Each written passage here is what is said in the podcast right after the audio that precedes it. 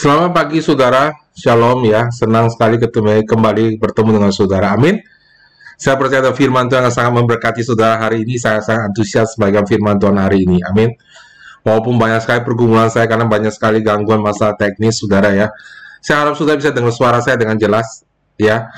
Dan pagi hari ini saya akan bagikan bagaimana mengikuti tuntunan Tuhan. Amin. Nah, saya kasih judul khotbah ini bagaimana mengikuti tuntunan Tuhan ya.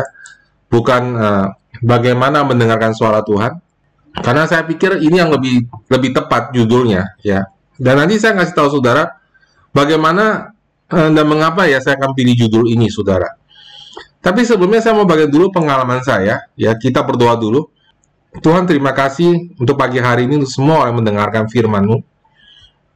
Aku berdoa supaya setiap orang diberkati dan setiap orang dibukakan mata hati dan pikirannya Aku berdoa Roh Kudus, Engkau bekerjalah dalam hati setiap orang supaya kami dikuatkan, di encourage Tuhan.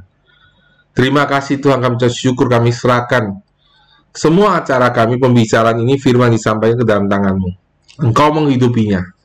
Engkau beri kekuatan bagi setiap telinga yang haus dan lapar untuk mendengar. Dalam nama Tuhan kami Yesus Kristus kami berdoa. Amin.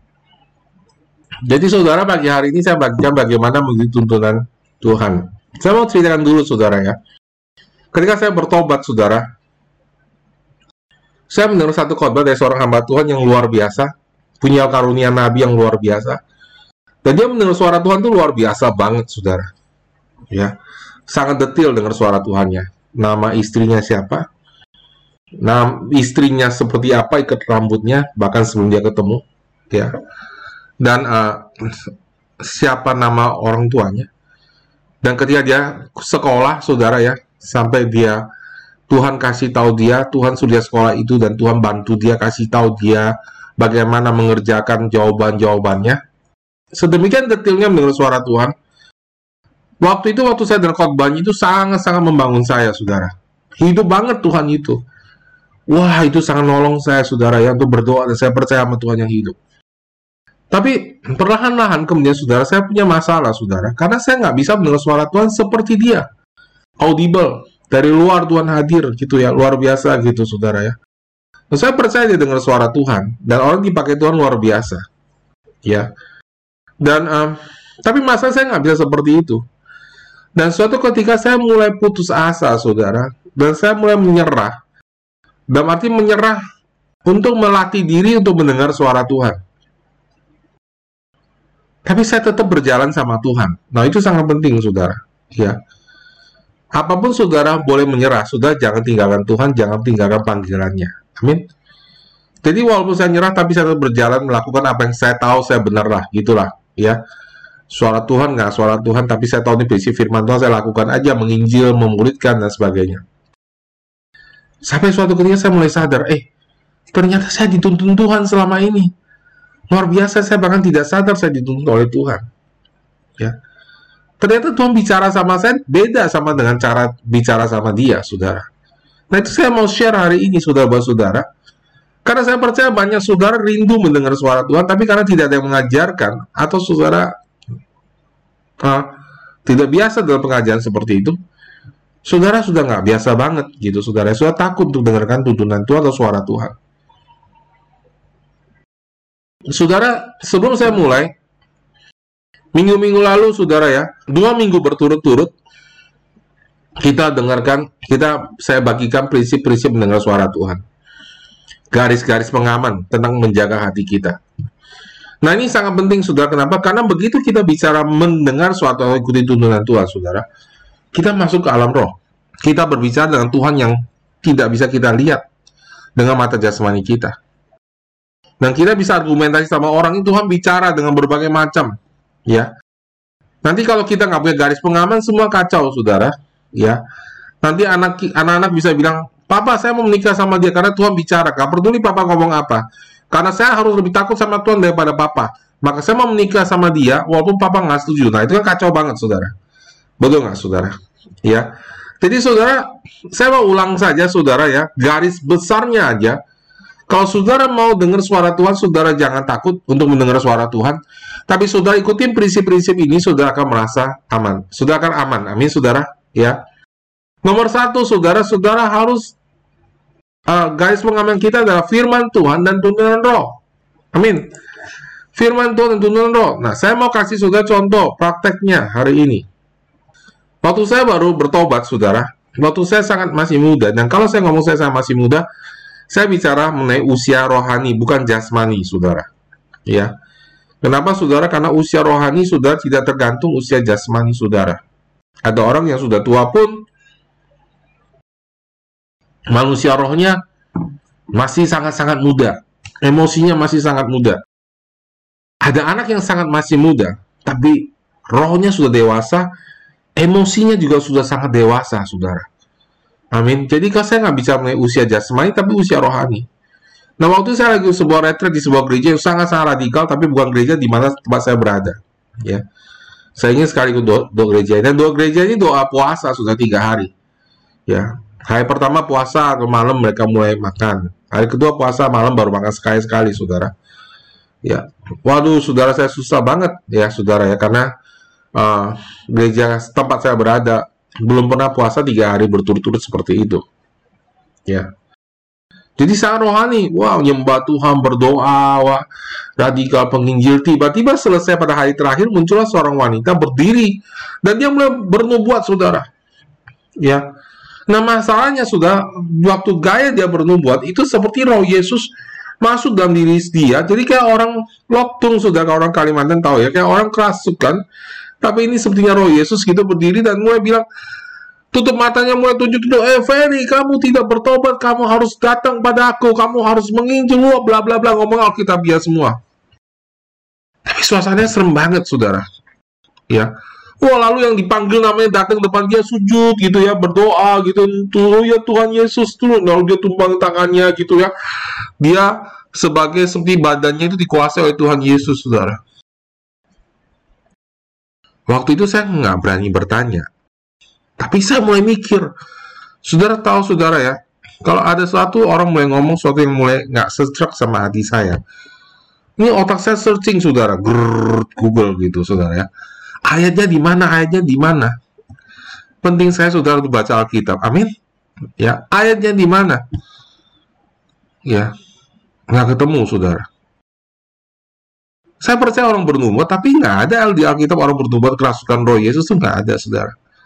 Itu sebenarnya uh, dari dunia, tapi dirohanikan, ke, dikristenkan gitu. Kalau hari ini saya berani datang lagi, saya kalau hari ini saya nggak hadap itu lagi, saya pengen tuh berdiri depan dia tanya, eh, sorry yang namanya Yesus ngaku namanya Yesus. Yang namanya Yesus kan banyak saudara ya. Kalau di daerah Amerika Selatan tuh banyak orang kasih nama Yesus.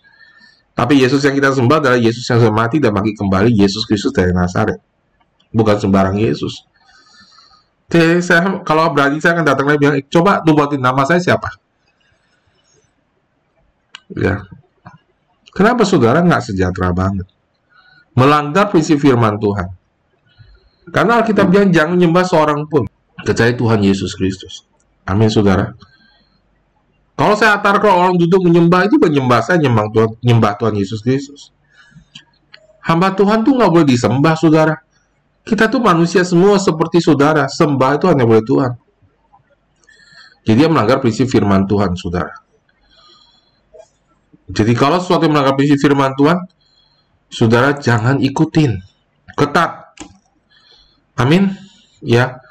Firman Tuhan udah ngomong dengan jelas, jangan menjadi pasangan dia seimbang dengan orang yang tidak percaya. Jelas banget, nggak perlu lagi berdoa. Tuhan, saya saya berdoa, saya menikah sama dia, nanti saya nginjil dia supaya dia sungguh-sungguh ikut engkau. Enggak, saudara. Ya. Dan baik-baik saudara, kita menikah itu untuk dinikmati. Waktu saya menikah sama istri saya, untuk saya nikmati perjalanan hidup sama dia. Untuk melangkah bersama-sama ke depan untuk dia nolong saya dan saya memimpin dia untuk berjalan bersama. Jangan, karena engkau menjadi yang tidak seimbang dengan orang yang tidak percaya. Amin. Ya. Jadi saya menikah untuk mencari pasangan yang seimbang. Nah kalau nggak seimbang, saudara, terus ada orang paksain doain, terus bilang Tuhan ngomong, itu masalah banget, saudara. Ya, sudah ada ayatnya, jangan dilanggar. Saya percaya nanti kalau dia udah menikah akan berubah. Saudara, saya udah lihat belasan mungkin, ya, pasangan yang ngomong seperti itu dan tidak ada satupun, tidak satupun yang berubah pasangannya setelah menikah. Karena apa saudara bukan salah pasangannya. Saya menikah dengan istri saya bukan untuk merubah dia. Saya menikah dengan istri saya untuk berjalan bersama. Jadi saudara jangan melanggar firman Tuhan. Amin. Jangan melanggar tuntunan roh. Ya. Seperti apa sih Pak maksudnya tuntunan roh itu? Ya. Suatu ketika ada teman uh, Grace dari gereja lain datang ke rumah saya. Ngajarin Grace firman Tuhan. Wah gitu saudara ya. Tapi saya merasa nggak sejahtera banget. Ya. Tinggal lakunya, dia tahu saya gembala, dia datang bicara firman sama Grace tapi nggak nggak ngomong sama saya nggak ada nyambut gitu nggak hai gitu loh. Nggak ada saudara. Ya. Tinggal satu malam di rumah saya besok dia pergi. Grace antar dia ke airport. Saya nggak sejahtera roh saya nggak sejahtera saudara. Nah kadang-kadang saudara seseorang kalau kita counseling semua alasannya benar semua alasannya alkitabiah semua aja sebuka benar saudara tapi spiritnya nggak benar motivasinya nggak benar. Itu susah sekali, saudara, untuk dikoreksi. Kenapa, saudara? Karena itu kan spirit ya, nggak kelihatan gitu, saudara. Ya, keluarin ayat, kasih alasan, saudara ya. So, saudara, waktu itu saya merasa nggak sejahtera. Kemudian saya dapat hikmah dari Tuhan, saya, sama, saya bilang sama Grace, Grace, nanti waktu di perjalanan tanya dia hubungannya sama papa dia gimana sih? Ya. Kemudian Grace nanya sama dia tengah jalan, saudara, di mobil, maksud saya, dia bilang dia benci papanya, papa dan mama udah berpisah, dan dia nggak mau ketemu papanya. Wow, saudara ya. Orang bisa ngomong firman Tuhan seperti itu, saudara se sehebat itu, tapi ternyata hatinya itu nggak benar. Nah, sudah saya tahu dari mana roh saya nggak sejahtera, kemudian saya pakai firman Tuhan, prinsip yang saya pelajari aja. Saudara, ikut Tuhan itu simple banget, saudara. Amin, saudara. Jangan persulit. Tuhan mempermudah kita. Amin. Keluarga kita, gereja lokal. Ikuti seperti itu sudah akan mengalami banyak mujizat. Amin, saudara. Ya. Jadi, tuntunan roh. Ya. Bagaimana pasti bisa bedakan kalau saudara sering melatih dan nanti kita akan belajar ke depan bagaimana belajar melatih membangun manusia roh kita, saudara. Lama-lama saudara akan tahu, saudara. Ya. Kedua, emosi kita. Emosi itu penting, saudara kalau orang saudara, nah saya juga punya emosi yang negatif, yang jelek gitu loh. Ya, saya ini dulu lebih pemarah dari sekarang. Oke, okay? bukan berarti saya sekarang sempurna. Gembala itu juga manusia tidak sempurna, saudara. Saya punya kelemahan. Itu sebabnya saudara ya, saya perlu juga tertanam dalam gereja dan jemaat bersama dengan saudara. Nah, kalau emosinya udah wah pemarah semua, khotbahnya selalu marah-marah gitu ya. Maki-maki dari depan gitu ya.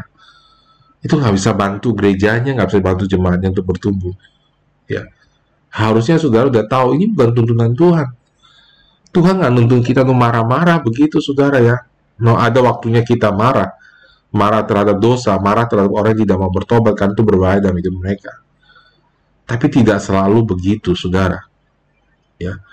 So, saudara seperti itu emosinya terkasih alarm. Saudara harus belajar, saudara. Amin. Belajar bahwa, eh, saya harus menjaga nih emosi saya yang nggak benar. Saya harus bawa kepada Tuhan. Amin, saudara. Ya. Garis pengaman berikutnya, saudara seiman dan otoritas dalam gereja lokal, sel keluarga, baik jasmani maupun rohani. Ya.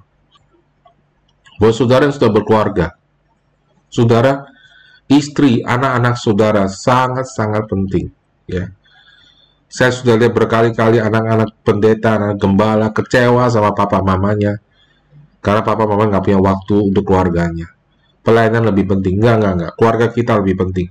Keluarga kita adalah membuktikan pelayanan kita itu benar atau salah. berhasil atau tidak. Amin. Susah satu keluarga, saudara, ya. Istrinya di sini dia pelayanan misionaris, saudara. Misionaris loh, saudara ya. Dia misionaris ke Papua. Istrinya di sini, saudara. Apa yang terjadi? Saya udah tahu sudah dia oh, udah berapi-api sudah ngomongnya. Wah kalau ngomong tentang visi nilai, wah luar biasa deh. Mungkin saya juga kalah kali semangatnya sama dia. Tapi saya tuh tanda tanya sudah ketika nilai dirubah. Saya cuma mau tahu bagaimana sih dia bisa begitu. Ya, dia hidup di sana, istri di sini, kadang-kadang pulang. Ya, istri kerja di sini, dia di Papua melayani. Dan apa yang terjadi, saudara? Akhirnya, saudara, kecurigaan saya terbukti, saudara. Mereka berpisah, mereka bercerai hari ini. Ya, saudara, hanya karena sudah menginjilin orang lain, tidak berarti keluarga saudara akan selamat. Kalau sudah tidak memberikan waktu untuk keluarga saudara dan anak-anak saudara. Ini prinsip penting. Dan orang seperti ini sudah saya nggak kasih khotbah di gereja kita, nggak mau kasih dia dengan suara Tuhan. Apa udahlah betulin keluarga kamu dulu aja. Humble aja dulu ya ini nilai aja sudah nilai kita percaya di gereja kita saya juga nggak mau kau undang pastor sembarangan ya uh, penginjil sembarangan nabi sembarangan bertumbuh di gereja kita. Nggak tahu dia bergereja di mana. Nggak jelas rekomendasinya. No no no no no. Ya. Hanya karena urapannya hebat orang didoain sembuh no. Nggak. Saya mau tahu karakternya saya mau tahu gerejanya. Ada di mana saya mau pastikan dia ada di bawah gereja lokal. Dan dia menggembalakan atau dia tunduk sama kalau dia anggota gereja dia tunduk sama gembalanya dia punya keluarga yang baik walaupun khotbahnya nggak hebat saya aman undang dia saudara jadi garis pengaman ini sangat penting saudara ya jadi kalau saudara ikutin ini nggak ada yang aneh-aneh dalam hidup saudara nah terjadi aneh-aneh saudara ya Nggak akan nanti Tuhan bicaralah ada kelalawar di kepala kamu. Kok muncul yang aneh-aneh gitu tuh saya udah pernah dengar, saudara. Nggak akan terjadi seperti itu, ya. Uh, ya ada lagi yang bicara, saudara ya.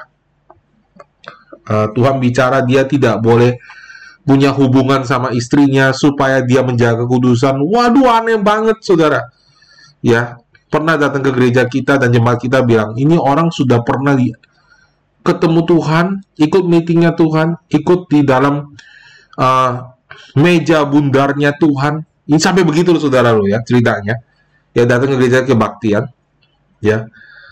Dan dia sudah mengalami diangkat sama Tuhan terus bilang gini, gereja kita kurang bagus.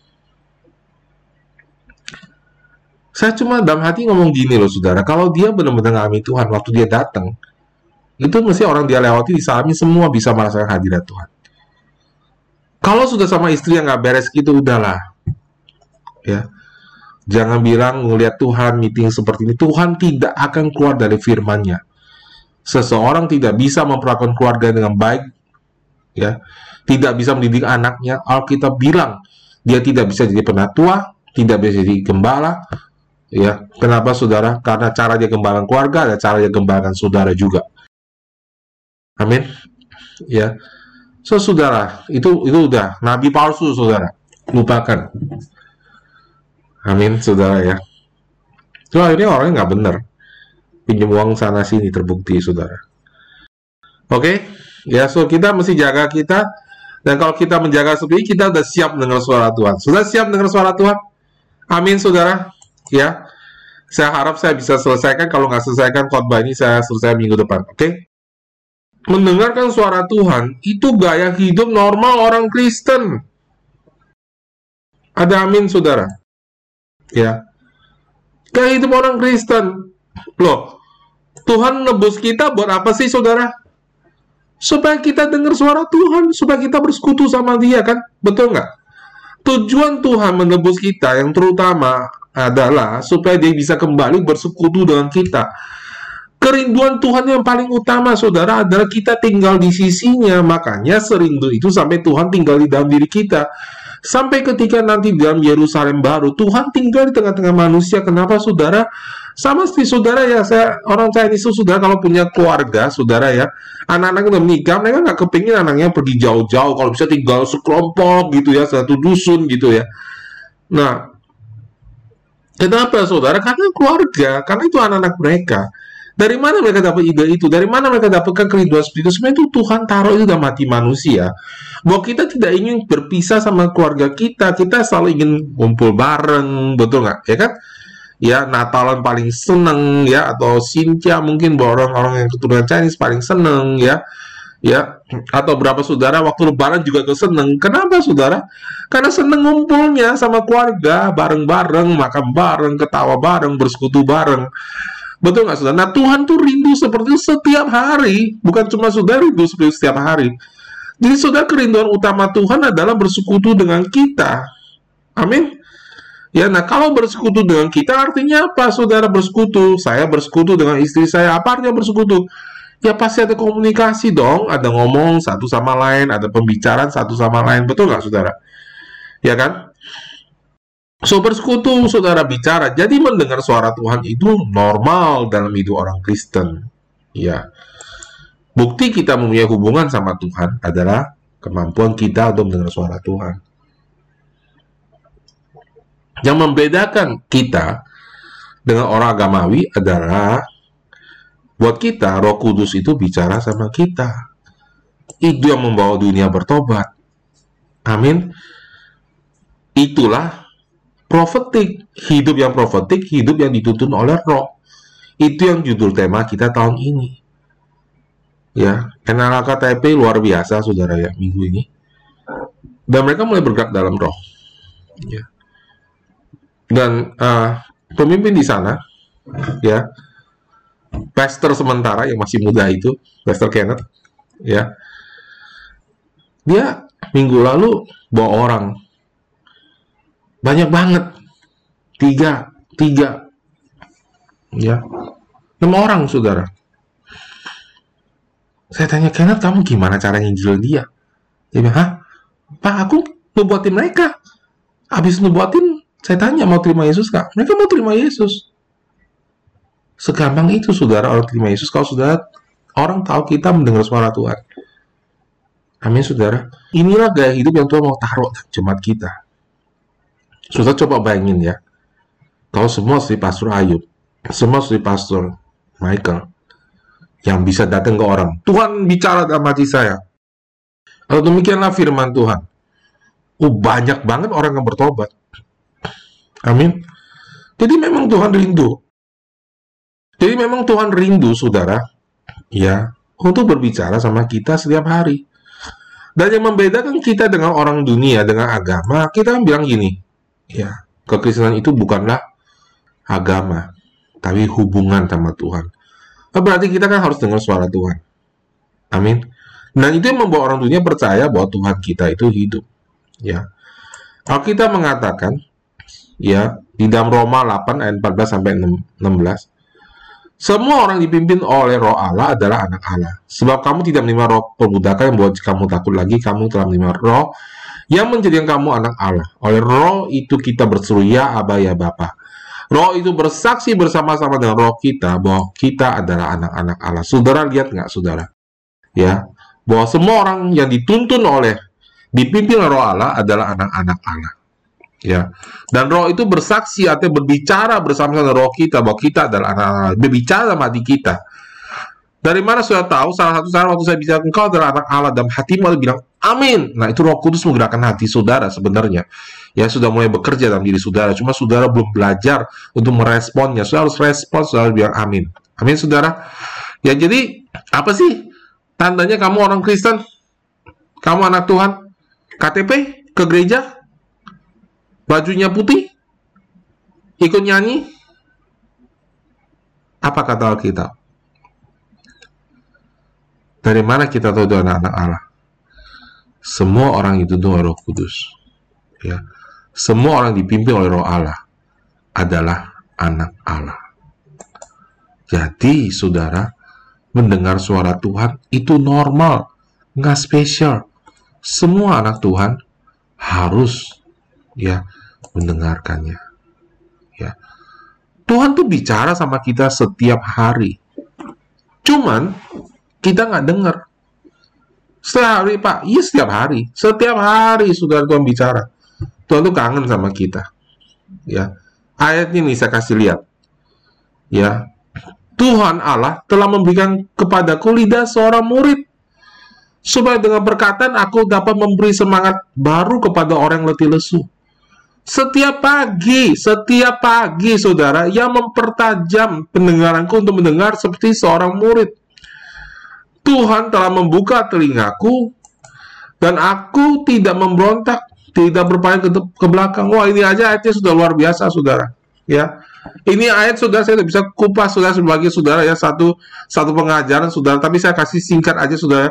Dia bilang Tuhan memberikan aku lidah seorang murid supaya dengan perkataan aku dapat memberi semangat baru kepada orang yang letih lesu. Saudara dengar saudara, hanya dengan lidah saudara diurapi oleh firman Tuhan, diurapi oleh roh kudus, saudara bisa memberikan semangat kepada orang lain. Saudara bisa memberikan kesembuhan kepada orang lain. Perkataan kita harus diurapi oleh Allah. Baru kita bisa menginjil orang itu bertobat. Itu kuncinya. Minggu depan saya mau bagikan bagaimana caranya praktek dituntut oleh roh Tuhan dalam penginjilan. Tapi saudara, ini ada sedikit aneh saudara. Tuhan memberikan kepadaku lidah seorang murid. Nah, di gereja di sekolah kita, kita melatih orang untuk bisa belajar berbicara. Gimana caranya untuk melatih orang bisa berbicara, saudara? Berani berbicara. Kita harus bikin kelas berdebat. Suruh mereka maju ke depan. Maju ke depan. Bicara. Belajar ngomong depan umum. Supaya kamu jadi berani. Tapi ayat ini nggak bilang gitu, saudara. Coba sudah perhatikan. Ya, lidahnya seorang murid, caranya gimana saudara supaya kita punya lidah seorang murid? Setiap pagi, setiap pagi ia mempertajam pendengaranku untuk mendengar seperti seorang murid. Tuhan telah membuka telingaku dan aku tidak berontak, tidak berpaling ke belakang. Jadi saudara kuncinya supaya perkataan kita diurapi Tuhan bukanlah seberapa pintarnya kita berkata-kata, ya, tapi saudara adalah seberapa kuatnya, seberapa sungguh-sungguh kita mendengar firman Tuhan. Ada satu orang pengkhotbah, revivalist terkenal, saudara ya. Zaman sekarang orang tuh, saya tuh bingung karena orang tuh belajar, ya, sekolah teologi belajar berkhotbah. Khotbah gaya Amerika seperti apa? Khotbah gaya Inggris seperti apa? Saya pernah diajarin begitu, saudara, ya. Sama gembala saya, saudara kalau gaya Inggris saudara khotbah tuh berdiam-diam. Amerika goyang ke sana ke sini. Tapi itu sama sekali tidak penting. Ya. Ada satu revivalist yang sangat terkenal dari Amerika namanya Jonathan Edwards, saudara.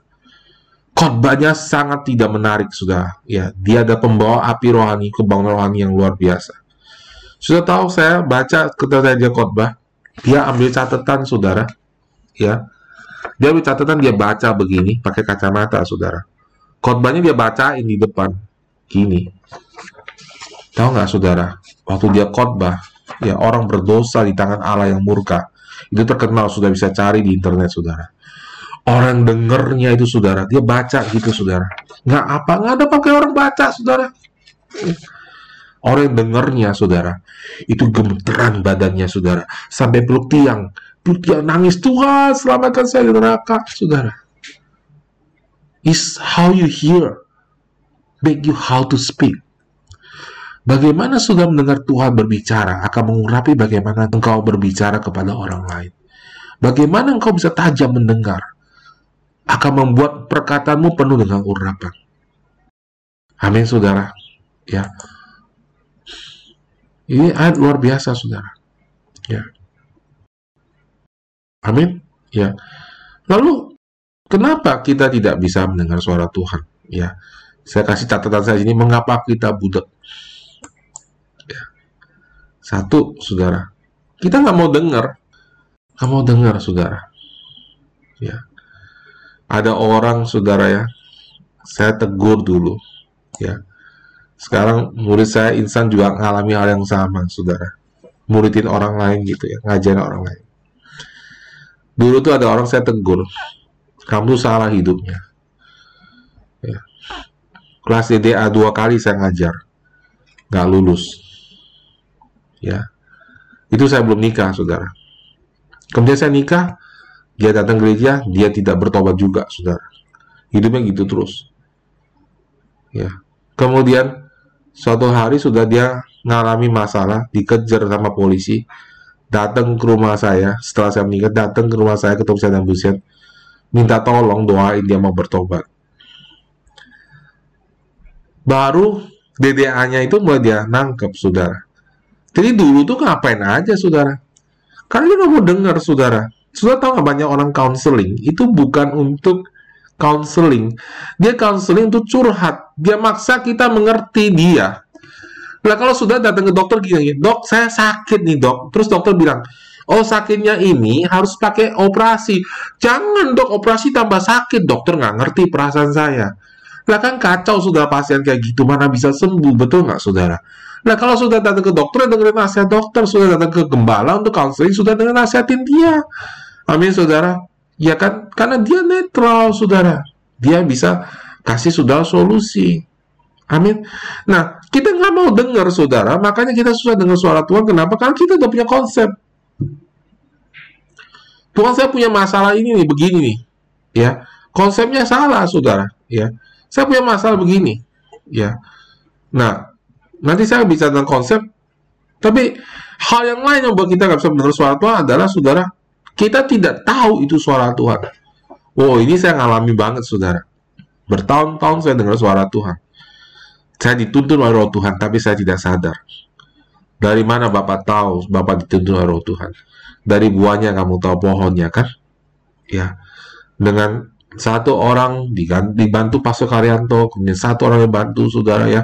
Lalu akhirnya gereja ini saudara ya bertumbuh saudara ya itu semua dari buahnya. Kemudian saya mulai sadar ternyata selama ini saya kan dituntun sama Tuhan kok saya nggak sadar?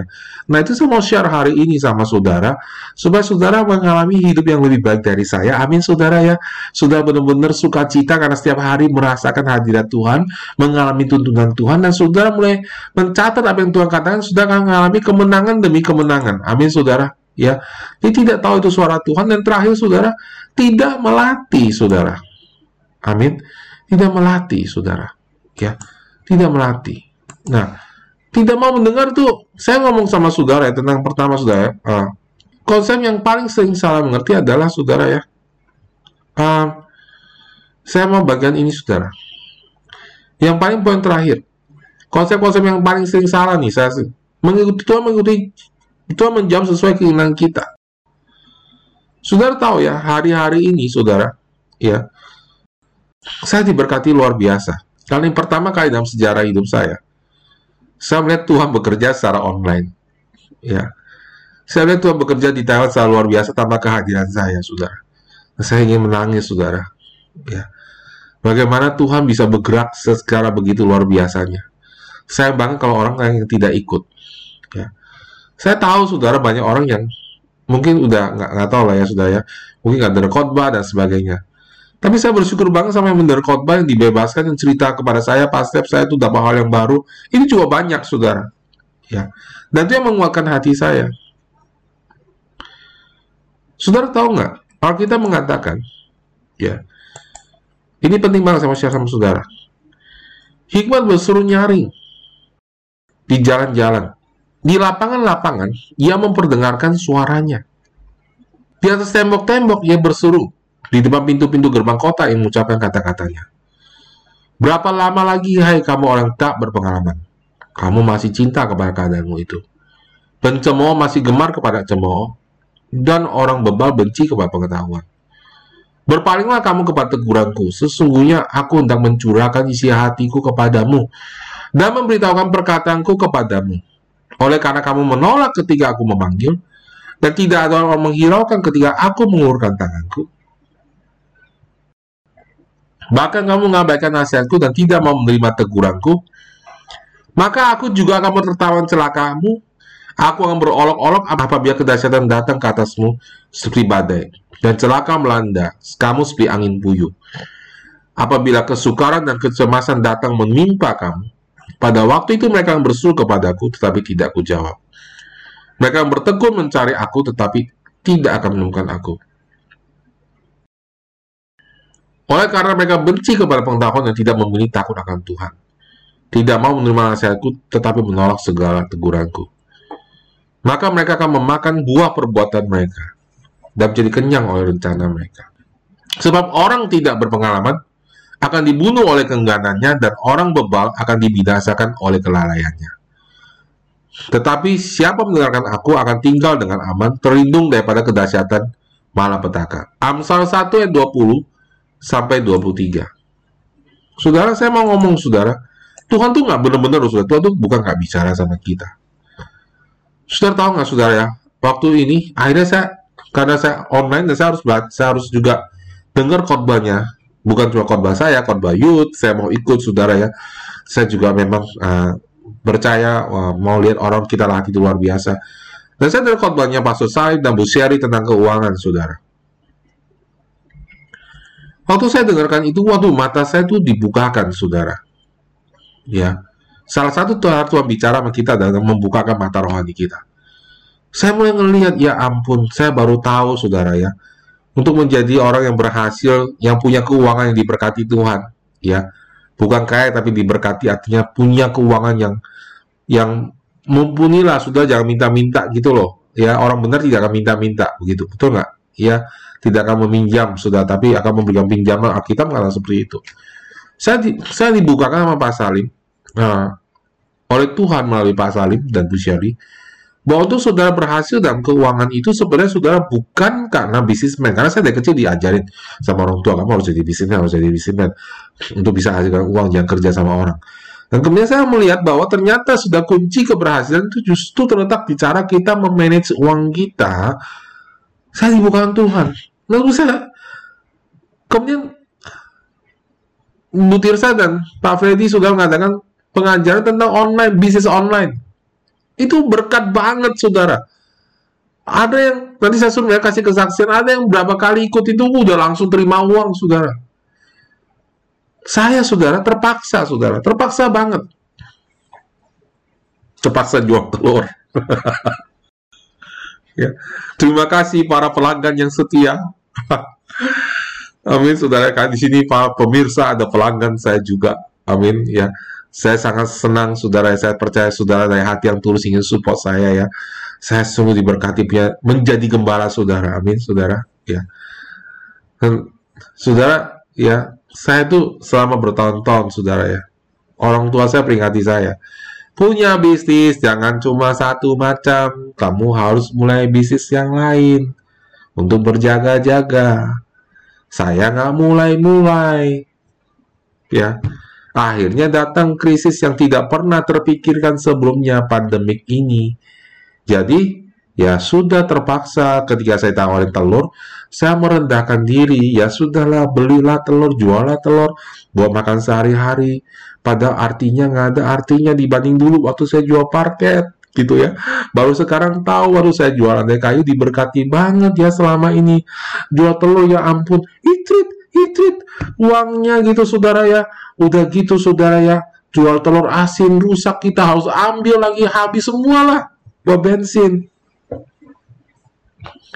Tapi saya mau menjalanin karena saya percaya Tuhan bukakan pintu buat kami, saudara.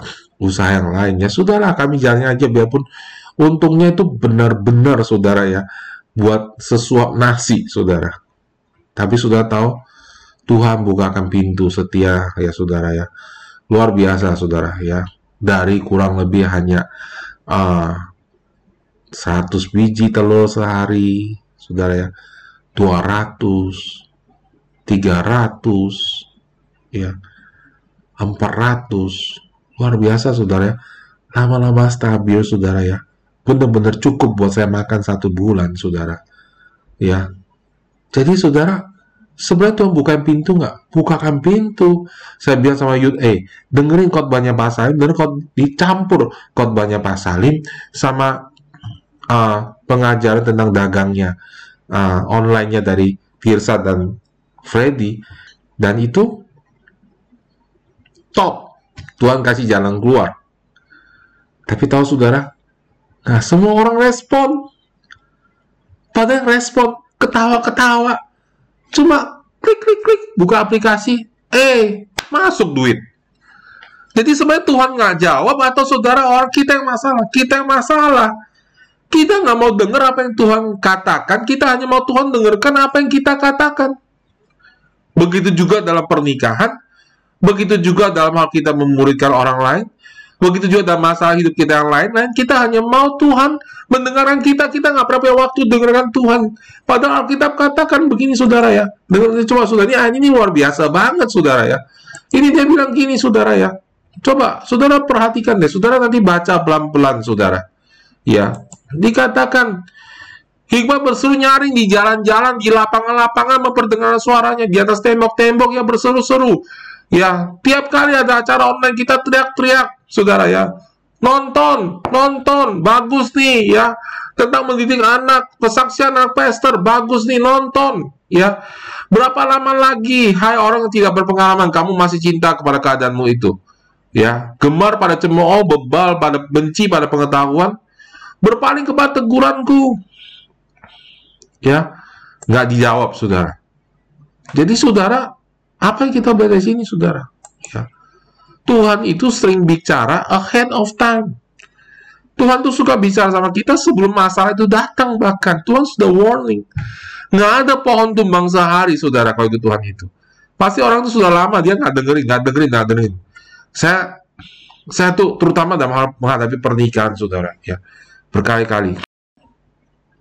Teman saya saudara ya. Gembala. Dulu wakil gembala. Ya. Aneh pernikahannya. Istrinya duduk suaminya di luar kota nggak datang. Ini teman baik kami saudara. Sebenarnya kami yang menangkan. Sedih banget sudah ceritanya.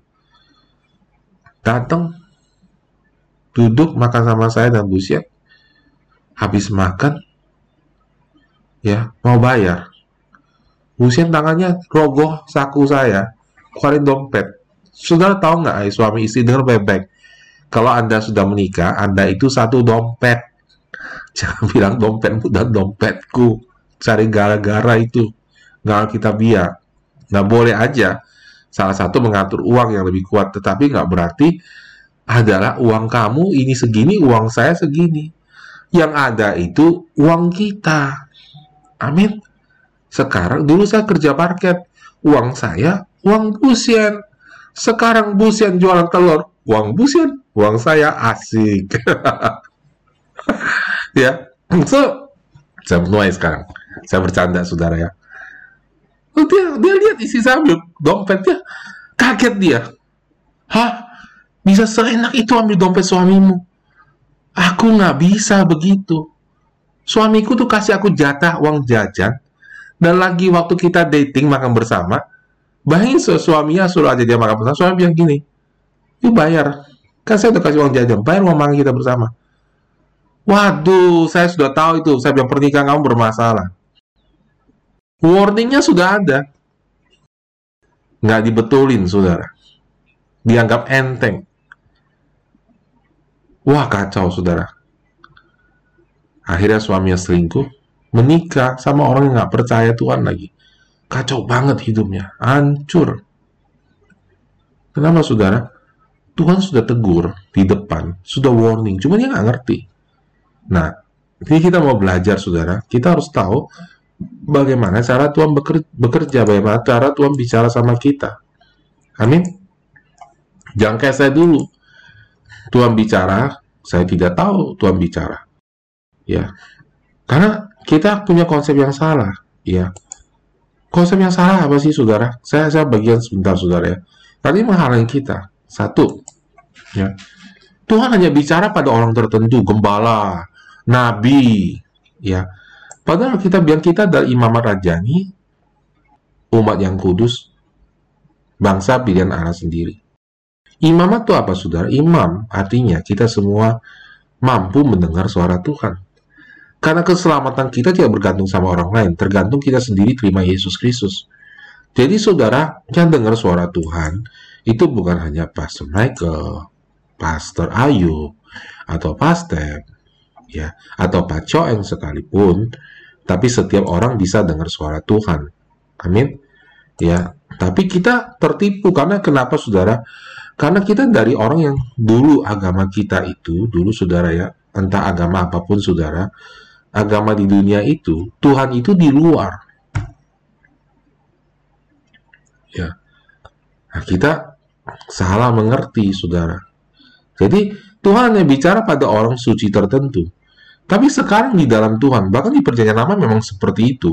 Ya, hanya nabi. Mereka mereka setiap kali mau sesuatu harus datang kepada nabi. Tidak demikian ketika di perjanjian baru, saudara, Tuhan itu bukan dari luar. Tuhan itu ada dalam hati. Amin.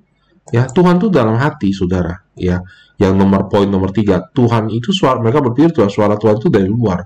Itu salah, saudara. Yang benar itu, saudara, Tuhan itu ada dalam hati kita, saudara. Amin. Ya, Tuhan bicara dalam hati. Ya, itu sebab ketika kita mencari Tuhan, kita mendengar suara Tuhan, saudara ya. Bukan gini loh, saudara ya. Saya saya juga uh, dulu juga saya, saya kalau dengar suara Tuhan tuh cari entah dari mana dari langit di mana saya berharap suara swing gitu datang. Ya ketika saya bertumbuh saya bertumbuh saya mulai ngerti prinsip ini. Saya tenangkan hati saya. Hati saya ngomong apa? Ya. sejujur-jujurnya hati saya lagi ngomong apa? Di situlah saya tahu itu suara Tuhan. Amin. Ya. Dan nanti saya akan share lagi tapi ini jadi ini konsep yang salah yang paling sering saudara. Ya terus tidak mau rendah hati. Ya. Milih-milih, Tuhan saya mau sembuh tapi ya nggak mau kayak Naman. Dia harus keluar dong Nabi ya ketemu saya Nabi Elisa. Kenapa sih saya suruh saya cemplung di sungai Yordan? Di tempat saya juga sungainya lebih bersih dari itu. Dia milih ya Tuhan saya mau diberkati tapi Tuhan ya nggak lewat orang itu. Saya belajar saudara ya Tuhan pakai burung gagak untuk nolong Elia. Burung gagak itu binatang yang najis kan, saudara? Tuhan yang kirim binatang najis dong. Saya ini nabi loh, direndahkan begitu. Nah, saya mau dengan nasihat siapa pun, selama itu saya merasa bahwa Tuhan berbicara melalui dia. Saya belajar, saudara. Ya, harus mau terima. Makanya, saudara, waktu saya bisa menjaga hati, kita tuh mau ditegur tuh penting karena mau ditegur orang itu adalah rendah hati kita nggak memilih siapa yang tegur kita, yang kita pilih adalah kita merasakan nggak Tuhan bicara nggak melalui teguran dia, saudara. Ya, jadi saudara masa tidak mau rendah hati. Terus yang berikutnya adalah saudara, suara Tuhan itu sensasional, luar biasa, harus terasa hadirat Tuhan. Ya, maunya sensasional, saudara. Ya, dari mana kita dapat konsep itu? Dari kepercayaan-kepercayaan di dunia ini. Kalau lo tunggu begitu kan ya, ya harus sembahkan darah apa ya kayak gitu ya. Nah, loktum tuh kalau bosnya nggak ngerti itu kerasukan ya. Itu dewa-dewa datang masuk ke tubuh orang itu ya. Atau Tuhan bicara ya uh, ke entah ke rumah ibadah mana pun gitu ya. Harus wah banget ya. Kita mau ada rasa gitu loh. Kalau Tuhan bicara saya harus rasain dong ya. Saya ngalamin dong ya seperti itu. Tapi sudah kalau baca Alkitab di dalam ke, di dalam Raja-Raja 1 Raja 19 11 sampai 3, 13. Lalu firmannya keluar dan berdiri di atas gunung itu di hadapan Tuhan. Maka Tuhan lalu angin besar dan kuat yang membelah gunung-gunung dan memecah bukit-bukit batu mendahului Tuhan. Tapi tidak ada Tuhan dalam angin itu. Dan sesudah angin itu datanglah gempa. Tetapi tidak ada Tuhan dalam gempa itu. Dan sesudah gempa itu datanglah api. Tetapi tidak ada Tuhan dalam api itu. Dan sesudah api datanglah bunyi sepoi-sepoi biasa yang basah. Segera El, ses, segera sesudah Elia mendengarnya, ia menyembunyi mukanya dengan jubahnya. Lalu keluar dan berdiri di pintu gua itu, maka datanglah suara kepada yang berbunyi. Apa kerjamu di sini, hai Elia? Saudara lihat nggak, saudara? Ya, baik ketika ada angin besar yang membelah gunung-gunung, mencari batu-batu, mendahului Tuhan, nggak ada Tuhan di situ. Ya, Datang gempa nggak ada Tuhan, datang api nggak ada Tuhan. Kemudian angin sepoi-sepoi, Tuhan ada di situ. Kenapa, saudara? Kenapa begitu, saudara? Ya, karena Tuhan adalah Bapa kita. Amin. Ya, karena Tuhan adalah Bapa kita, saudara. Ya, jadi saudara, dia bicara kepada kita dalam ketenangan kita tuh merasa suara Tuhan tuh biasa banget loh, saudara. Perintahnya biasa banget. Saya dulu juga nggak tahu itu, saudara. Saya pikir itu suara saya. Gitu. Tapi waktu di, diikutin, saudara, hasilnya makin lama makin luar biasa. Suaranya biasa aja. nggak ada sensasi gitu, tingling, panas, dingin, nggak ada. So I learn, saya belajar. Ya, saya share sama saudara ya nanti. Ha. Bagaimana cara Tuhan bicara seperti apa aja. Oke. Okay? Jadi itu masalahnya saudara nggak bisa dengar suara Tuhan. Kemudian ada yang merasa tidak layak mendengar suara Tuhan karena masa masih berdosa. Maka sudah mendengar suara Tuhan. Penting sekali saya ngajarin dulu tentang identitas ya kita dalam Kristus. Jadi saudara ya sebagai gereja apostolik profetik ya semua firman yang dibagikan itu dari minggu ke minggu. Semua acara kita dari hari ke hari itu connected saudara. Ngaspi gereja tidak apostolik terpisah acara ini, acara ini, acara yang sama acara ini nggak ada hubungannya. Tapi di kita semua yang Tuhan lakukan itu ada hubungannya. Jadi ketika saya ngajar sudah tentang identitas, ya tentang uh, menjaga hati ya itu sangat-sangat berhubungan dengan mendengar suara Tuhan hari ini. Kalau saudara di situ tidak benar-benar menangkap, saudara harus ulang. Kenapa? Karena saudara itu kayak kelas demi kelas. Saudara lulus satu kelas, saudara masuk ke kelas yang lain. Amin. Jadi kalau saudara masih tertuduh, saudara susah mendengar suara Tuhan karena saudara mulai bingung. Ya, ini saya layak nggak layak masih bergumul di area itu, saudara ya. Sudah terlalu jauh, saudara sudah nggak bisa dengar suara Tuhan gitu loh ya. Jadi saudara harus tahu dulu nih, ya menurut Alkitab saudara nih sebenarnya orang benar atau enggak, kupas, dengerin khotbahnya ulang gitu, ya. Nah, ini yang penting saudara. Kemudian kesalahan yang berikutnya adalah mengikuti gaya orang lain. Nah, saya mau cerita di sini. Ya, saya cerita saudara. Pastor Michael telepon saya. Pastor Stefanus, you mau ke Manado nggak melayani sama saya? mau saya ya dia teman baik saya sebenarnya saya nggak suka ke Manado but because he's my good friend saya oke okay, saya mau dan apalagi kemudian itu melayani youth no youth is my passion okay? God call me for youth ya Tuhan panggil saya untuk orang muda oke okay? Walaupun saya juga bisa melayani orang keluarga gitu panggilan saya pertama-tama adalah pada youth so saya mau saudara saya datang ke situ dan mereka cerita dia datang ke situ Tuhan bicara sama dia. Di gereja ini ada kehidupan, ada air yang mengalir. Saya nggak dengar kayak gitu, saudara. Ya. Saya mana tahu, saudara. Saya nggak tahu apa-apa. Saya datang ke situ, saudara. Begitu mereka naikin worshipnya, wow, itu hadir Tuhan turun. Saya tahu langsung ini hidup, gerejanya ada kehidupan. Beda banget, saudara. Ada kuasa Tuhan di situ. Ya. Nah, aku tidak dengar suara Tuhan seperti gayanya Pastor Michael. Tapi waktu khotbah di situ hasilnya luar biasa. Saya juga tidak khotbah gaya dia. Saya khotbah gaya saya. Jadilah dirimu sendiri orisinil aja, tenang aja saudara. Cara dengar suara Tuhan juga gitu. Cara engkau dengar suara Tuhan sama saya itu beda. Mungkin kalau saudara orang Batak ya saudara ya atau orang Chinese ya yang katanya uh, kemarin ada bicara ya kalau orang Sumatera ngomong itu harus 10 rumah pun bisa kedengaran. Mungkin Tuhan harus teriak Hei, Stefanus bangun. Ya, tapi saudara, pada orang Jawa yang lemah lembut dia bicaranya lain. Ya, bangun nak, gitu. Gaya Tuhan bicara itu sesuai dengan kepribadian kita, kita kan spesial. Jangan ikutin gayanya orang lain. Dan pengalaman kita sama Tuhan beda-beda. Tapi prinsip di Alkitab tetap sama, saudara. Sudah harus taat pada firman, tidak boleh melanggar firman, harus taat pada tuntunan roh, tahu prioritas, saudara, tunduk sama otoritas, terikat sama gereja lokal, punya keluarga, jaga hubungan dalam keluarga, prinsipnya sama, tidak berubah. Tapi gaya boleh beda.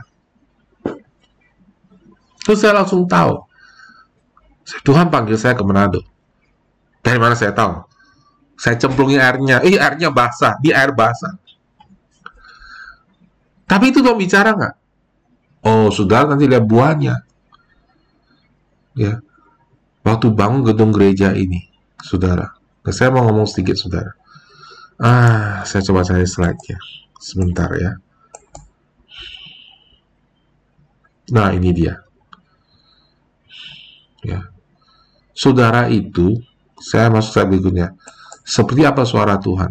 Saya mau kasih tahu saudara di sini, semua dengarkan saya. Saudara sudah pasti pernah mendengarkan. Cuma nggak tahu itu suara Tuhan. Saudara pikir itu perasaan saudara, suara saudara. Saudara menginjil ke orang-orang itu bertobat karena sudah omongan tepat, itu suara Tuhan. Coba saudara merasa itu perasaan saudara, itu juga saya alami. Terus dari mana saudara tahu itu suara Tuhan? Dari buahnya. Ya. Dari buahnya kita tahu itu suara Tuhan. Dulu waktu saya datang ke Serang, saudara, oh saudara orangnya haus banget. Saya rindu banget datang ke Serang. Saya nggak rasa capek tuh. Ya. Sebenarnya siapa sih yang nuntun saya ke Serang? Saya nggak dengar tuh suara yang Stefanus, bangkitlah, pergilah ke Niniwe. Nggak ada, saudara. Pastor saudara suruh pergi, saya tahu kita bilang pergi jaga semua bangsa murid. Waktu di situ saya ketemu orang haus, wah hati saya berapi-api, saudara. Saya berapi-api datang sama Busian. Kita berdua melayani, ya. Malam sampai pagi, malam sampai pagi kami melayani. Sel group. Kenapa saudara? Karena setiap kali kami ketemu orang-orang yang yang haus yang waktu datang pada kami di Serang, hati kami tuh dibakar. Waktu saya setir mobil ke Serang, saudara ya, dulu nyetir sendiri, saudara ya. Waktu datang itu kan pulang kerja, saudara kan. Kalau ketemu orang-orang ya, di Serang itu harus malam, saudara. Jadi saya datang tuh jam 4, jam 5 ya supaya sampai sekitar jam 6 atau jam 7 biasanya mulai ada sel group gitu. Jadi waktu datang ya karena pagi karena saya kan dari proyek kerja datang tuh ngantuk-ngantuk gitu saudara. Ya, bawa mobil sendiri sampai ke Serang. Ya, ngantuk saudara ya. Begitu sampai ke Serang seger saudara. Kayak dikasih obat. Ini. Ya. Penguat gitu tubuh gitu. Pulang dari Serang ya. Kadang-kadang jam 12 kadang-kadang setengah satu ya saudara ya kadang-kadang ya jam 11 sih 11 tapi kan saya pulang malam sampai pagi di Jakarta sudah ngerti ya. Pulang ke rumah nggak bisa tidur saya melek semua. Waktu pulang nyetir mobil seger kayak habis kayak ada air gitu seger kayak habis mandi. Itu artinya apa saudara? Tuhan nuntut saya Tuhan bicara this is your life. Cuma saya nggak ngerti. Ya, saya nggak ngerti, saudara. Ya, kalau saya ajar saudara, dari mana saudara tahu? Ya, dari buahnya. Ya. Suara Tuhan itu tuntunan dalam hidup kita, baik berupa nilai-nilai hidup maupun logika rohani. Ya, contohnya kelas bisnis. Kelas bisnis yang diadakan sekarang dan pengajaran tentang financial dari Pastor Salim dan Bu Shirley adalah tuntunan dan suara Tuhan untuk banyak orang. Ada berkat untuk banyak orang. Ya. Tapi sayangnya tidak banyak yang respon. Kurang banyak yang respon. Harusnya lebih banyak dari itu.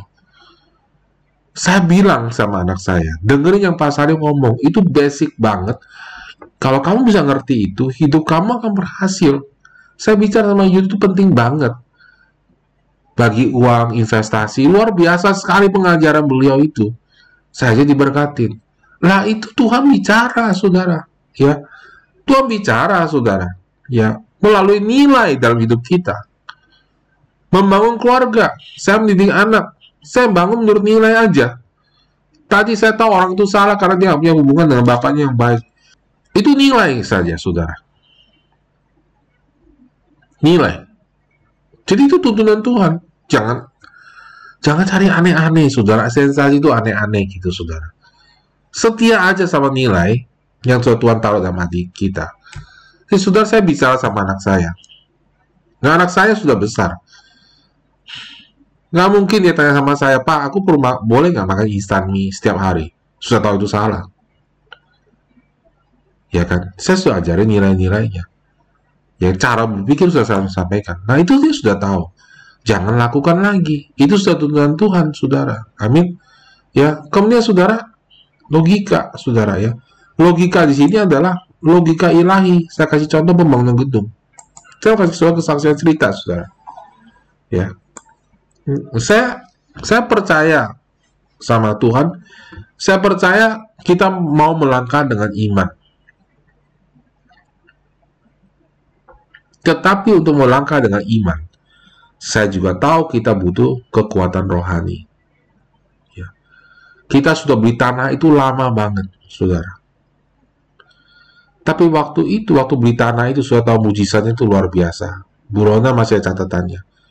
Jumlah jemaat sama, per bulan sama, penerimaan naik, seret gitu, saudara. ya. Harusnya saudara ya saya punya target utang itu akan dibayar dalam waktu 2 tahun. Kita pinjam dari jemaat uangnya. Selesai dalam tiga bulan. Luar biasa sekali. Harusnya tanah waktu itu langsung berikutnya ke pembangunan kan saudara. Saya stop bangun saudara. Kenapa saudara? Saya mulai lihat di atmosfer rohani itu mulai ada penurunan. Ya, beberapa orang yang mestinya pemimpin kemudian nggak jadi pemimpin. Beberapa orang bisa support saya kemudian karena ada gesekan dan sebagainya mulai mundur. Dan saya lihat ini nggak bisa diteruskan pembangunan. Kenapa saudara? Saya tidak takut tidak ada uang, tapi saya nggak mau dan saya khawatir kalau tidak ada pemimpin yang berdiri sama saya. Kemudian saudara, perlahan-lahan generasi berikutnya datang. Dan puji Tuhan saudara, ya saya tahu saya bisa bangun, saudara. Kenapa? Waktu bangun juga nggak tahu dari mana kok. Cuma sebenarnya sama aja seperti dulu. Fondasi nggak ada duit seterusnya ya. Sudah tahu ceritanya ya. Setelah fondasi kemudian next stepnya terus nggak ada uang kita. Cuma bisa bangun setengah begitu ya. Dan sampai sekarang selesai. Tapi saya saya berani karena saya tahu ada pemimpin-pemimpin yang sekarang berdiri sama dengan sama-sama saya, saudara yang punya kekuatan rohani sama, yang punya kekuatan rohani. Amin, saudara. Jadi itu Tuhan sudah nuntun, saudara. Sederhana banget. Ya, mujizat. Bisa bangun gedung gereja, mujizat. Merintis Taipei, mujizat banget, saudara. Ya, dulu waktu merintis gak ada apa-apa. Sekarang, saudara, ya luar biasa mereka berdoa hadirat Tuhan. Anak muda loh, saudara. Anak-anak muda umur 20 tahunan, saudara. Ya, anak-anak kemarin sore, saudara, di sana tapi hadirat Tuhan itu luar biasa. Saya cuma mau ngomong poinnya ini loh saudara. Itu tuntunan Tuhan bukan? Tuntunan Tuhan. Tuhan bicara nggak Tuhan bicara. Tapi saya tidak akan cari gayanya, misalnya gayanya Pastor Michael ya. Itu karena memang Tuhan pakai dia seperti itu caranya. Saya nggak pakai gaya dengar suara Tuhan bicara demikianlah firman Tuhan lalu saya lakukan itu. Nah, saudara. I don't do that. Gitu. Amin, saudara ya. I don't do that, saudara. So, uh, jadi saudara menurut suatu itu simple banget, ya, simple banget. Tapi saya baru tahu sekarang, ya. Nah, saya mau bagikan saudara sekarang, ya, tentang bagaimana menurut suara Tuhan yang next pointnya, ya. Tuhan bicara dengan berbagai macam cara, ya. Nah, bagaimana sih Tuhan bicara sama kita, ya? Pertama, saudara, dorongan dalam hati This is very important. Dorongan dalam hati. Ya. Kerinduan untuk melakukan perkara ilahi yang terus-menerus muncul dalam hati saudara. Kemarin ada anak yang konseling dan bilang, Pastor saya takut Tuhan tidak akan, saya tidak akan melakukan uh, apa yang saya inginkan. Saya akan mencapai itu. Apa keinginanmu? Saya ingin jadi uh, pekerjaan pelayanan seperti GMC begitu. Saya takut Tuhan tidak akan kasih saya, saya akan gagal di bidang itu. Ya, karena Tuhan nggak suka saya di bidang itu. Saya bilang, ya Allah bekerja dalam hati kita menurut kemauan dan kerinduannya. Amin. Ya ada ayatnya, saudara ya. Dan saudara, kalau kamu rindu, itu dari Tuhan. Dulu saya takut banget, saudara. Karena pengajaran yang salah, saya takut, saudara. Takut apa? Takut kalau saya misalnya nanti menikah sama orang yang saya nggak suka, Tuhan suruh saya menikah sama orang dari Nigeria gitu atau mana gitu kan ya. Nanti Tuhan bilang kamu harus taat sama saya, saya takut banget saudara ya. Gitu, ya kan. Saya sukanya Busian dan cantik begitu, ya so sweet ya. So, saya baru tahu saudara bahwa Tuhan nggak akan suruh saudara dalam panggilan ya saudara ya untuk melakukan sesuatu yang saudara nggak suka atau menikah dengan orang yang tidak saudara cintai. You will not. You will not. Ya. Jadi saudara, saya rindu, rindu merintis di Serang, rindu merintis di mana-mana. Saya rindu melayani anak youth. Itulah dorongan dan saudara itu cara yang sangat sering dan paling terutama Tuhan pakai dalam hidup kita dorongan hati itu yang disebut tuntunan Roh Kudus, Saudara. Amin. Ya. Waktu saya mau merintis di Citra, waktu itu saya agak stuck pertumbuhannya. Saya tanya sama pastor saya, pastor Erik, pastor Erik, saya mau di Citra gimana? Pastor Erik juga bukan tipe orang yang dengar suara Tuhan gimana. Dia cuma bilang ini, Tuhan Yesus bilang pergi jadikan semua bangsa muridku. Ya kan? Dan citra itu ada nggak di dunia? Ada di peta dunia? Ada. Jadi kamu harus pergi nggak? Saya harus pergi. Saya nggak dengar suara Tuhan yang spesifik ke Citra Raya. Nah, ada saudara. Saya tahu saya jemaat saya di sana.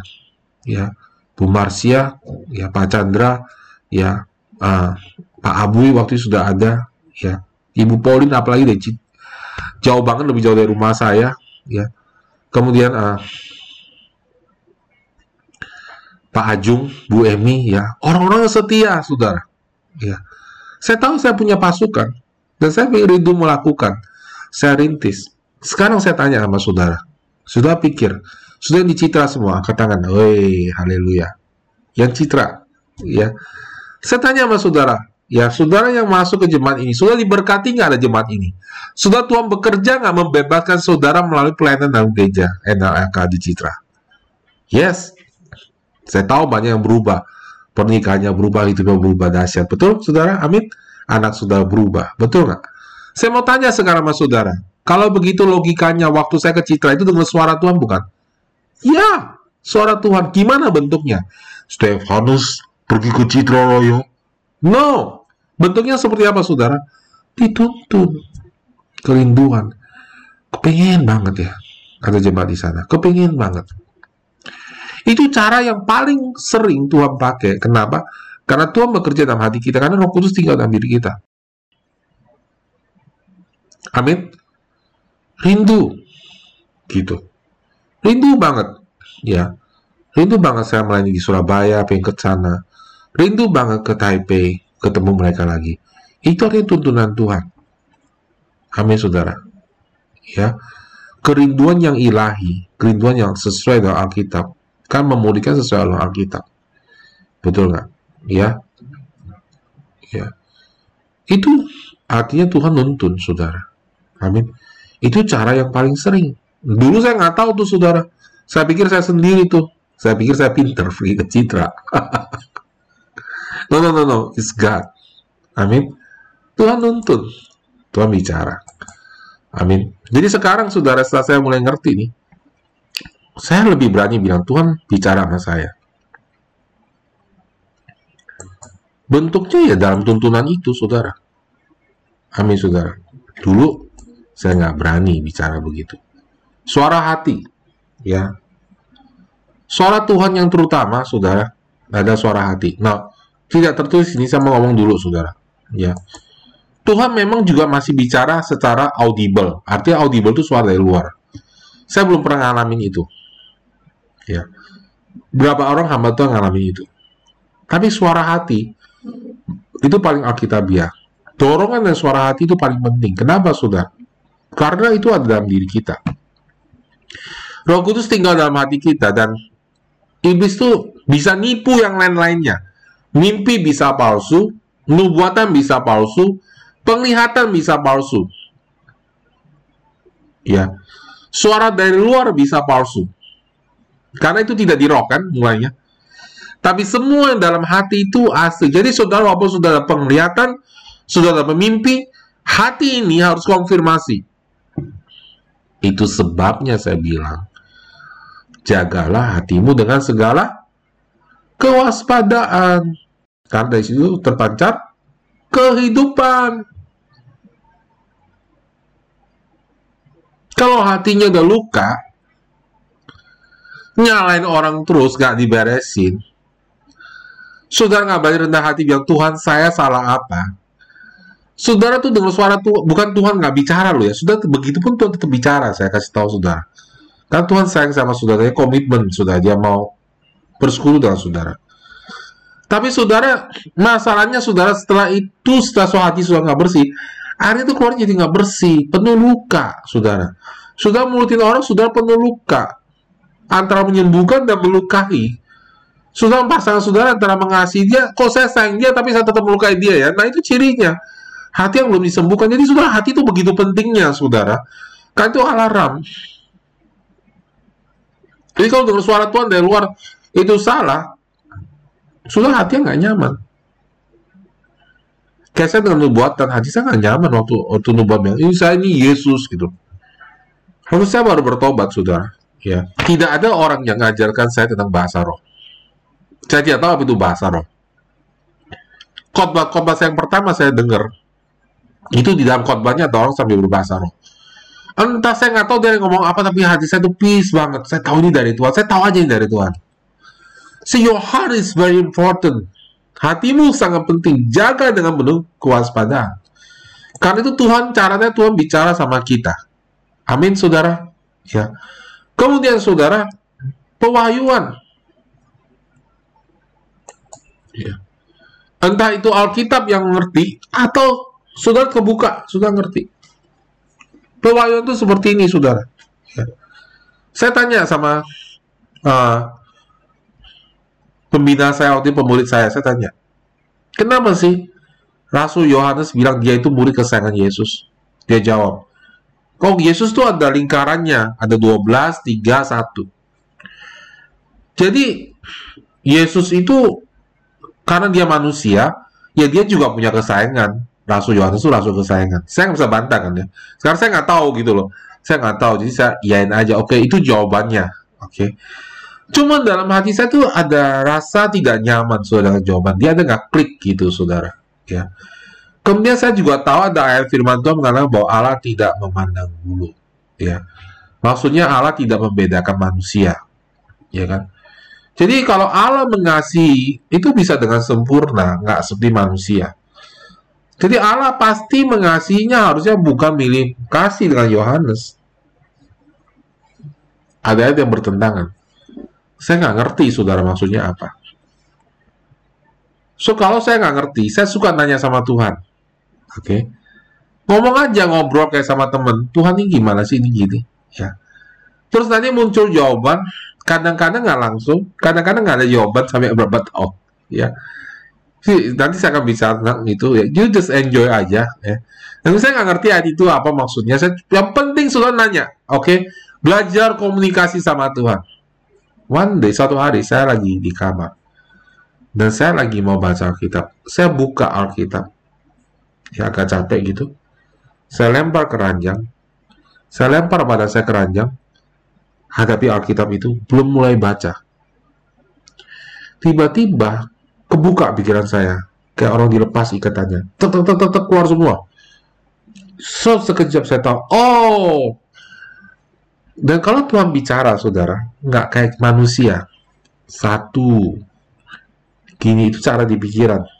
Ya dan kata mereka yang pernah dengar suara Tuhan audible suara Tuhan audible itu sudah bisa nggak tahu dari mana datangnya kayak sudah di surround gitu kata mereka seperti itu ya saya belum pernah tapi suara Tuhan yang paling penting adalah di dalam hati, dalam pengertian kita tuh. Itu nggak bisa ditipu, saudara. Jadi waktu itu saya pikiran saya kebuka aja. Saya ngerti. Aduh, saya ngerti sekarang. Itu hitungannya, saudara ya. Itu hitungannya detik. Mungkin 1 sampai 2 detik. Saya udah bisa jelasin semua.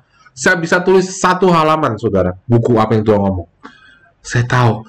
Oh, maksudnya itu toh. Yohanes Pembaptis itu ngomong dia murid kesayangan Tuhan karena yang nulis surat Yohanes itu dia. Dia sendiri ngomong tentang dia adalah murid kesayangan Tuhan. Kayak sehingga saya, anak saya ada tiga. Saya sayang anak saya sama. Terus kalau anak saya bilang, misalnya ya, misalnya saya, saya Kenneth Grace Justin. Saya sayangnya sama. Terus Kenneth bilang gini, sebenarnya aku anak kesayangan Papa. Terus Grace bilang, dia tulis surat lagi kan, tulis buku. Dari Grace, anak kesayangan Papa. Boleh kan? Ya kan ngerti kan? Jadi kenapa Yohanes bilang dia ditulis di kitab hanya di kitab Yohanes bilang dia murid kesayangan? Ya nulisnya dia. Karena dia yang paling ngerti kasihnya Tuhan. Dia merasakan kasihnya Tuhan. Dia bilang dia murid kesayangan. Tapi Tuhan sayangnya semua sama, saudara. Nah itu kebuka. Tapi ini intinya gitu. Inti saya bilang Tuhan tuh kebuka dalam kebuka gitu.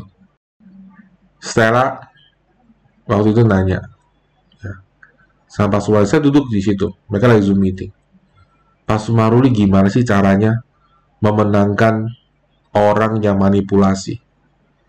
Saya liatin aja gitu saudara. Ya. Tiba-tiba jawaban itu datang. Tuhan bicara sama saya. Itu pertanyaannya salah. Harusnya yang benar adalah bagaimana ikuti tuntunan Allah dalam memenangkan orang. Itu judul khotbah saya minggu depan, saudara. Itu datang begitu aja, saudara. Saya, oh, saya ngerti ini. Selama ini saya salah. Kemudian seminggu kemudian, saudara, dua minggu kemudian, baru kan kemarin karena telepon saya. Pak, aku baru ngerti loh. Saya sama yang Injil itu salah caranya. Saya ngotot sama orang itu. Harusnya saya ikuti tuntunan roh. Konfirmasi dengan apa yang saya dapat, saudara. Lah itu suara Tuhan bukan? Suara Tuhan. Jadi bentuknya apa suara Tuhan yang seperti itu? Bentuknya pewahyuan. Amin. Ya, sudah masih oke okay? semua ya. Saya harap sudah menikmati ya. Pikiran sekelebat. Seret. Ya. Pikiran sekelebat, saudara. Seret muncul. Nah, intinya saudara sudah harus melangkah. Ya. Memang kadang susah, pertama kali susah banget bedainnya. Nah, saya mau ngomong saudara, kasih tahu saudara, kalau dengar suara Tuhan tuh ya, kalau sudah udah kepingin, gini-gini loh, sudah banyak orang ya, tapi nanti, nah itunya mesti dibuang asumsinya, gitu loh. Tuhan suruh saya ke Serang, sudah pikir nggak? Saya harusnya mikir dong, nanti anak saya sekolahnya gimana? Nanti sekolah di Serang, sekolah di gereja di Serang, saya ke situ gimana? Tapi nanti, nanti tapi ke Taiwan nanti, tapi tapi nanti nggak ada gedungnya gimana? Nah, jadi saya nggak pernah biarkan nanti tapi itu memimpin saya. Halo, amin. Nanti gimana, tapi gimana. Tapi suara pertama Tuhan bicara, lakukan. Kalau sudah nggak lakukan, nantinya tapi itu muncul bingung gitu loh. Nggak usah takut, saya nggak minta sudah ikut yang aneh-aneh gitu loh. Ya, sederhana, doain dia, lainin dia. Jadi waktu itu saya doain orang. Tuhan, saya kepingin banget orang saya belum pernah orang jatuh. Saya memang orangnya jatuh. Muncul pikiran saya. Surya angkat tangan. Di pikiran saudara. Ayatnya di sini saudara. Ibrani 8 ayat 9 ayat 10 maka ini perjanjian akan kuadakan dan kaum Israel sesudah waktu itu demikianlah firman Tuhan aku akan menaruh hukumku dalam akal budi mereka dan menuliskannya dalam hati mereka maka aku akan menjadi Allah mereka dan mereka menjadi umatku jadi saudara taruh di hati dan pikiran. Kadang kan di pikiran dulu muncul. Nah itu juga salah caranya orang belajar bernubuat. Nanti kalau saya ajarin tentang nubuatan. Muncul yang pikiran saya, Tuhan nama Isa Tuhan saya ingin ngalami orang jatuh. Muncul pikirannya. Surah angkat tangan. Ya. Ya orang timur waktu itu. Angkat tangan kamu saya bilang. Jatuh langsung saudara. Oh gitu ya Tuhan bicara ya. Saya mulai belajar. Ada juga yang gagal. Ada juga nggak terjadi apa-apa. Ya saya tata tuh kuncinya saya taat terus aja belajar. Oh kalau gini pikiran saya ini pikiran Tuhan. Ini gini gini. Lama-lama jadi bekas lah amin. Saya datang ke gereja Citra naik ke atas gitu. Muncul pikiran. Mereka tuh mulai kebaktian saya kan Citra telat ya. Kasihan banget ya. Itu muncul di pikiran. Ini orang-orang nggak punya bapak semua, nggak punya pembapaan. Oke, muncul pikiran itu, saya, saya anggap Tuhan suruh saya khotbah dengan hati bapak. Saya langsung coret-coret hati bapak. Udah lama banget Retreat Encounter nggak khotbah dengan hati bapak, sudah coret-coret semua. Waktu keluarin ngomong kagok, saudara. Yang seingat saya aja ngomong, bla bla bla bla gitu, saudara ya rasanya itu kok kayaknya nggak siap banget gitu ya sedikit ngecap gitu kayaknya begitu ya rasanya nggak siap banget. Wah, nggak terjadi apa-apa, saudara. Selesai altar call. Pikirannya muncul. Altar call, ya udah. Kan gereja sendiri, pastornya sendiri, nggak usah takut. Kalau salah ya sudah, gitu kan. Ya, saya coba berani melangkah. Coba berani melangkah itu penting, saudara. Amin. Ayo maju ke depan. Siapa yang mau hati Bapak sudah tahu nggak? Begitu saya katakan, siapa yang mau dipulihkan hati Bapak, langsung set roh kudus turun. Saya sendiri berasa hadiratnya. Nah, waktu kita ikutin Tuhan, nggak selalu harus merasakan hadiratnya. Amin, saudara ya. Saudara harus berjalan dengan iman, berarti tidak selalu merasakan hadirat Tuhan. Saya sering kali tidak merasakan hadirat Tuhan. Cuma waktu itu merasakan hadirat Tuhan. Turun dan orang mulai gemeteran, saudara. Uh, eh, tadi khotbah biasa, atau kau jadi luar biasa. Tuhan nuntun. Ya, dalam pikiran sekelebat, dalam mimpi. Oh, mimpi ini penting, saudara. Ya. Mimpi dari Tuhan pertama sangat berkesan dalam hati, tidak bisa dilupakan. Detail. Saya sering mimpi, tapi mimpi saya nggak dari Tuhan, saudara. Kenapa, saudara? Habis mimpi lupa mimpinya apa. Tapi saudara di Alkitab, saudara ya, bahwa mimpi dari Tuhan itu detail. Ya, Nebukadnezar nggak bisa lupakan mimpinya, Firaun nggak bisa lupakan mimpinya, ya, dan mencengkram hidupnya. Maka mereka cari yang cari siapa ini mimpinya apa sih artinya? artinya mimpi itu jadi real dan mencengkram, jadi tahu ini mimpi ini ilahi bukan dari manusia. Kalau saudara nggak yakin seperti itu, itu bukan mimpi dari Tuhan. Biarin, nah, cuekin aja. Jangan takut. Kalau memang belum dari mimpi dari Tuhan, itu kan ulang. Tuhan akan kasih lagi. Amin. Terakhir penglihatan. Ya. Penglihatan itu ada tiga level, saudara. Pertama level yang terendah, saudara dalam pikiran saudara. Tutup mata, ada bayangan muncul, gambar muncul. Ya. Itu termasuk penglihatan, saudara. Ya. Gimana caranya? Lakonin, saudara. Ya. Lama-lama sudah tahu Tuhan atau enggak. Oke? Okay? Kedua, penglihatan yang uh, istilah penglihatan yang di mana sudah trans, saudara ya. Sudah lihat sesuatu, sudah lihat di sini ini hilang semua, thread, sudah cuma lihat. Ya. Sudah lupa, kok depan saudara mimbar, meja, semua hilang, sudah masuk ke dunia lain. Nah, itu penglihatan saudara. Ya. Ketiga, saudara adalah penglihatan level tertinggi adalah dengan penglihatan terbuka. Artinya, sudah lihat dunia ini, lihat alam roh sekaligus. Sudah lihat ini ada orang, ada setannya juga bareng sama malaikatnya bareng. Nah, kalau orang lihat setan mulu itu nggak benar, saudara. Kenapa, saudara? Karena karunia melihatkan termasuk karunia membedakan roh. Artinya tahu ini adalah ini malaikat, ini iblis. Ya, nggak semua lihat iblis mulu. Itu kutuk, saudara harus dilepaskan. Amin. Dalam penglihatan, saudara. Ada amin, saudara. Ya. So, saya mau tutup, saudara. Ya. Bagaimana membangun, melatih mendengar suara Tuhan? Nanti saya akan teruskan ya, saudara ya. Saudara harus antusias.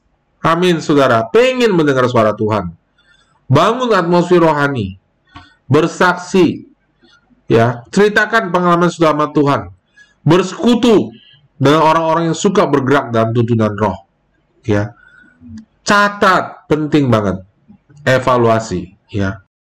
Apa yang Tuhan ngomong harus catat Amin, saudara. Ya, dan nanti saya akan nyambung minggu depan, ya, lalu dengan korban lainnya.